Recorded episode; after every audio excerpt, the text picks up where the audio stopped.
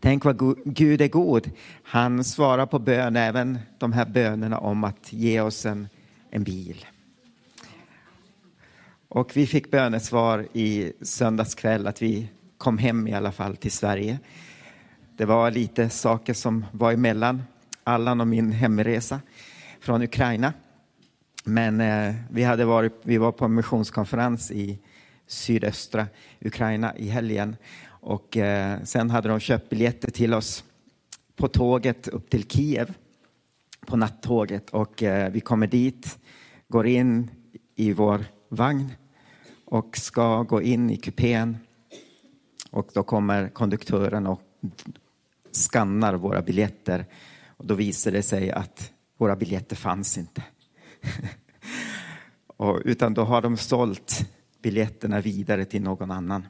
Så att det var två andra som tog våra platser. Så att vi står där och ser tåget försvinna i horisonten. Men de skjutsade oss med bil så vi satt sju timmar på söndag natt till Kiev på en guppig väg. Men vi tog oss hem i alla fall. Så det tackar vi Gud för. Gud är god. Vi har ju börjat en serie om Andens gåvor i höst och eh, jag kommer idag att tala om profetians gåva och jag vill att vi ska gå till första Korinthierbrevet kapitel 12. Och läsa läser från vers 4 och framåt.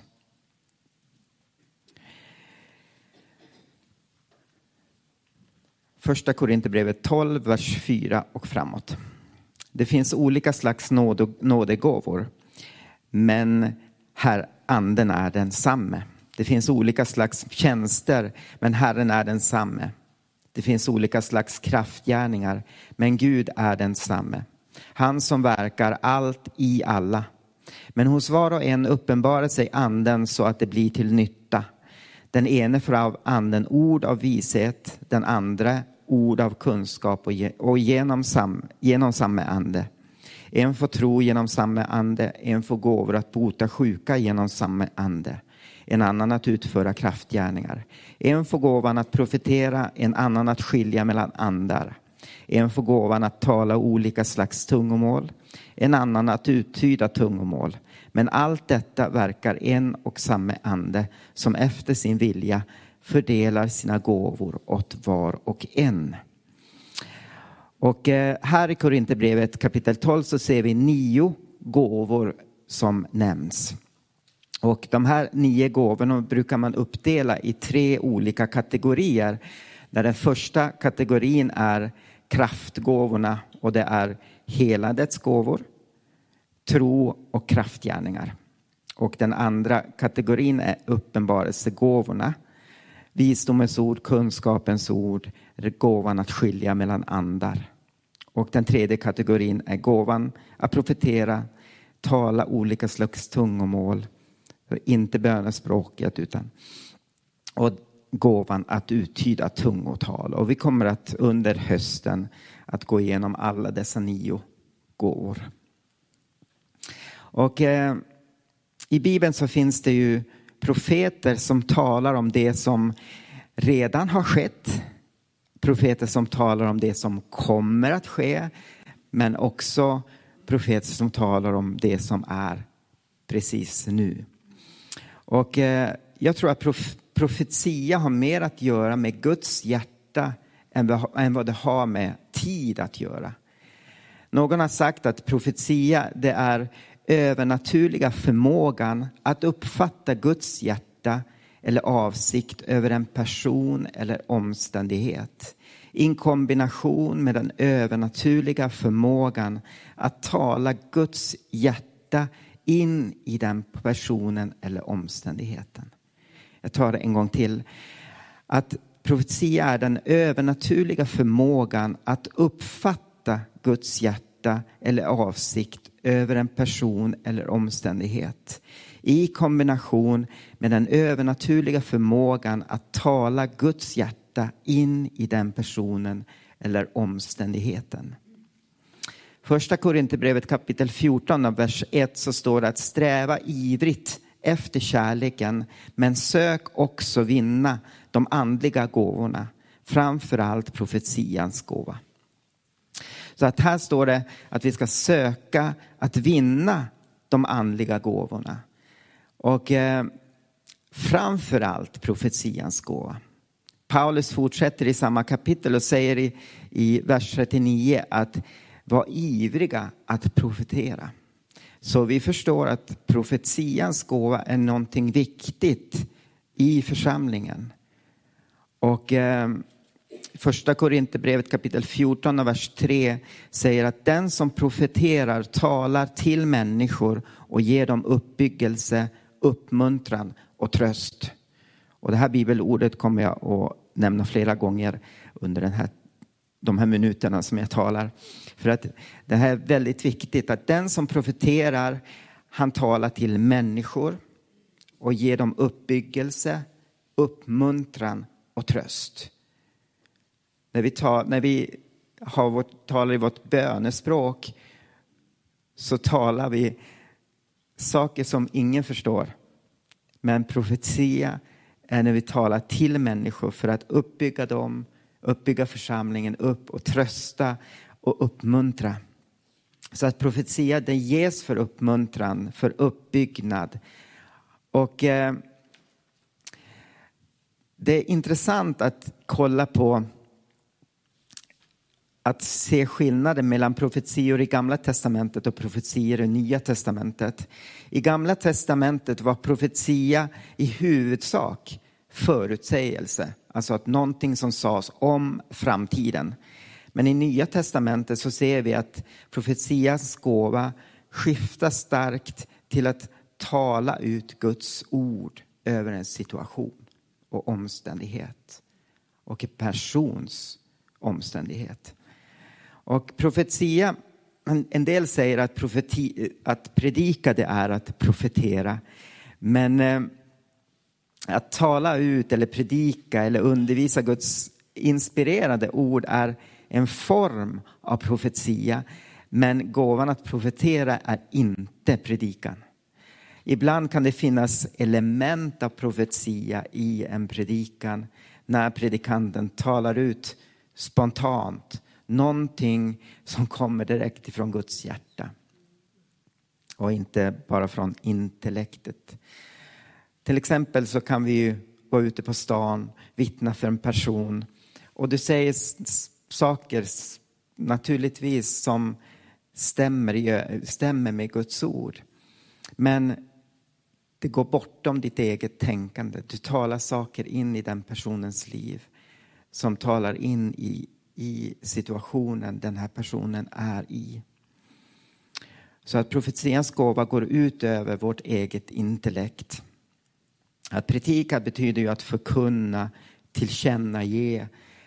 Någon säger att det även betyder att gråta och att berätta. Det skriftliga syftet, eller det som vi fattar genom Guds ord, eh, och, alltså skillnaden mellan profetia och predika är ganska mycket.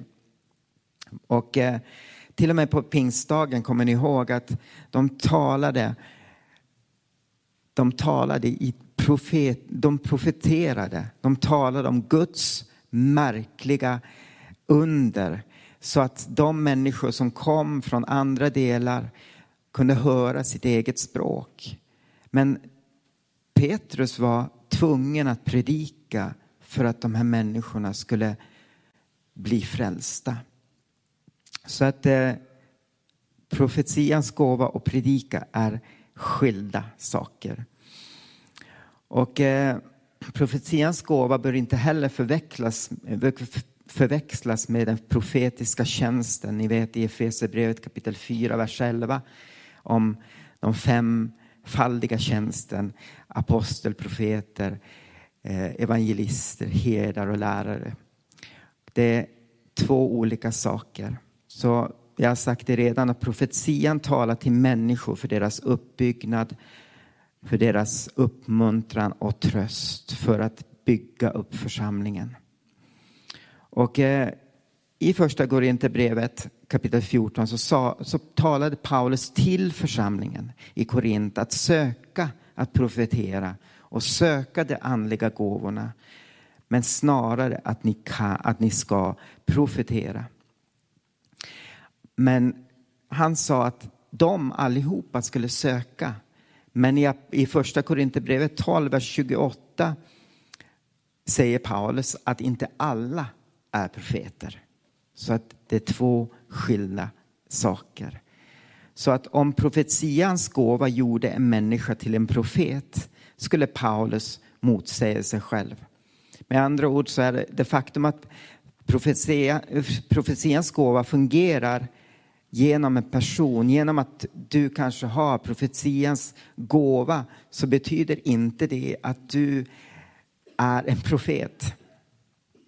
Jag tror inte mött så många profeter i, i mina dagar, men jag tror att David Wilkerson var en man som fungerade i, i den tjänsten. Ehm, I Apostlagärningarnas kap, kapitel 21 så ser vi en illustration av vissa människor som hade den profetiska gåvan fungerande i deras liv. Och vi kan gå till Apostlagärningarna kapitel 21 och vers 8 och 9.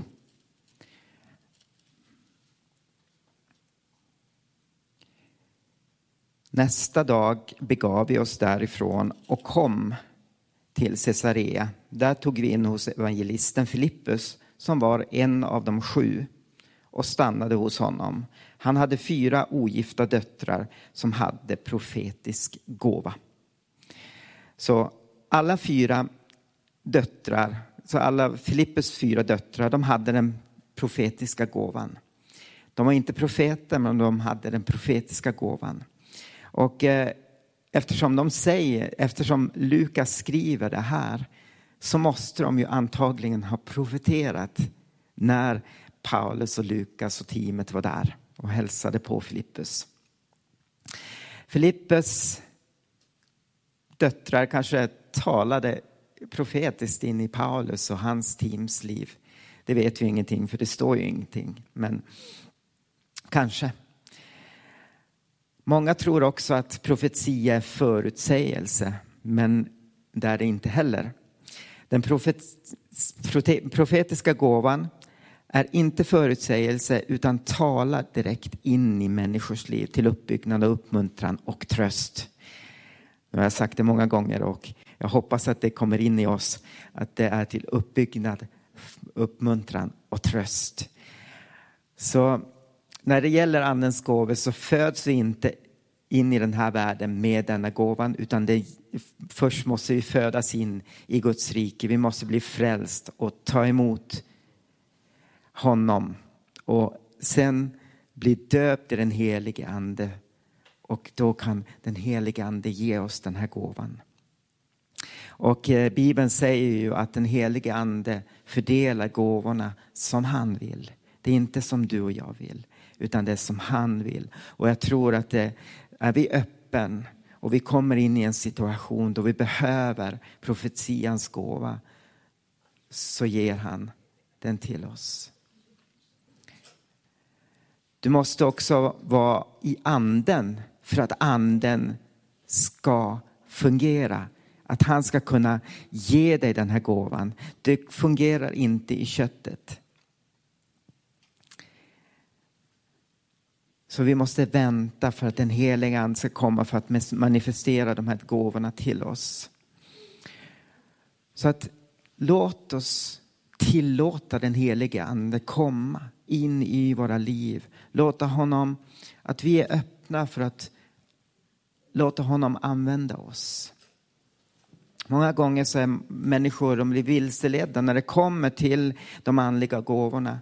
Vissa väntar på en profetia för att de ska veta hur de ska om de ska bära slips på sig idag eller vad de ska äta till frukost eller vilken kyrka de ska gå till. Men du och jag har fått den helige ande som bor i oss, som är vår rådgivare, som är den som leder oss. Och vi behöver inte en profetia för att vi ska veta vad vi ska äta, om vi ska äta ägg eller om vi ska äta gröt till frukost. Vi behöver inte vara överandliga. Varje troende har den helige ande som vägleder oss. Men ibland kan Gud använda oss till att ge ett ord till någon. Eller att någon ger ett ord till dig i den situation där du står i. Och det är så otroligt viktigt för det kan förvandla en människas liv. Det kan ta den här människan från en omständighet som hon eller han inte ser någon utväg i. Men det kan totalt vända genom ett ord ifrån Gud.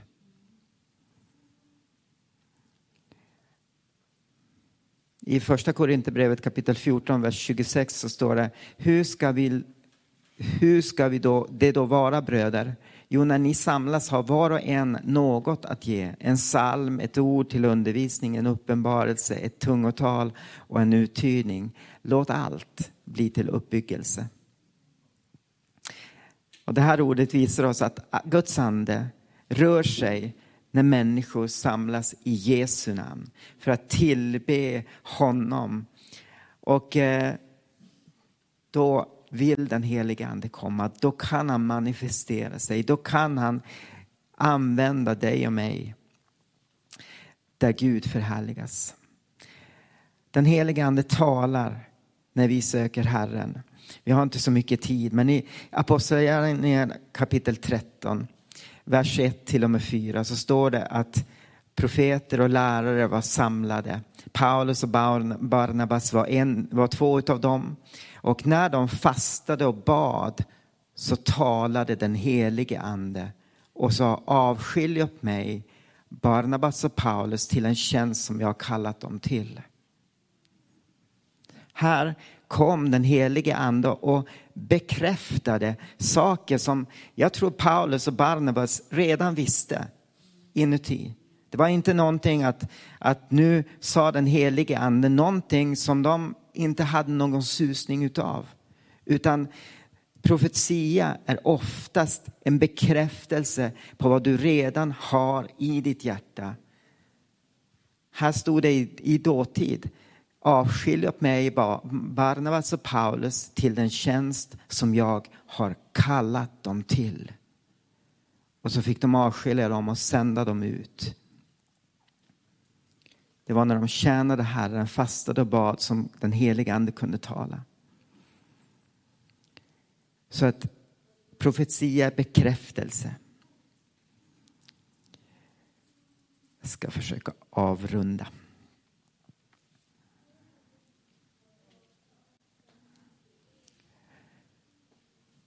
Så profetians gåva, det ges för att tala med människor övernaturligt till att uppbygga församlingen. Inte till att slå ner någonting, utan uppbygga. Uppbygga församlingen, uppbygga dig till att bli den Gud har tänkt att du och vi ska vara. Profetians gåva ger, ger också till församlingen för, att, för förmaning, uppmaning och uppmuntran. Och eh, i första Korinthierbrevet så det här ordet som, som i vår översättning så står det eh, uppmuntran och i andra, i engelskan, så står det uppmaning. Men det här samma ord som betyder på grekiskan att en kallelse att komma närmare Gud eller inbjudan. Så att en profetia är alltid en kallelse att komma närmare Gud. Och eh, som vi läste så säger det också att profetian är ges till tröst. Tänk när på söndagsgudstjänsten efter mötet så kommer folk hit för att de vill att vi ska be för dem. Tänk om den helige ande fick använda oss till att tala ord som kan förändra människors liv. Du och jag, när vi pratar med vårt intellekt eller med vår och ger en uppmuntran eller vi försöker säga någonting bra. Det kan hjälpa en människa. Men ett ord ifrån Gud kan förvandla en människa. Jag har sett människor bli förvandlade endast genom ett ord ifrån Gud. Kanske människor har försökt, de har gått till psykiatriker, de har gått till, till olika människor för att bli hjälpt, men ingenting har hjälpt. Men sen har Gud kommit och sagt ett ord som har förvandlat den här människans liv. Jag ska avsluta, men profetians gåva ges, vad var det nu? Kan vi höra? Det ges till för uppbyggning, upp, tröst. Och så står det att vi ska söka att vinna de andliga nådegåvorna. Framför allt profetians gåva. Vi kommer att ha två gånger till när vi talar om profetians gåva. Och eh, låt oss söka de här gåvorna. Den ges till var och en av oss. Det är inte bara vissa, utan anden ger den till den som söker och in i en situation där vi står i. Herre, vi tackar dig. Vi tackar dig för den heliga Ande som har blivit given till oss. Vi tackar dig för att du, Herre, hjälper oss. Herre, i vår svaghet när vi står med människor, när vi försöker hjälpa människor och inte kan det med våra egna ord, Herre, så tackar vi dig att du, Herre, har gett oss den här hjälpen.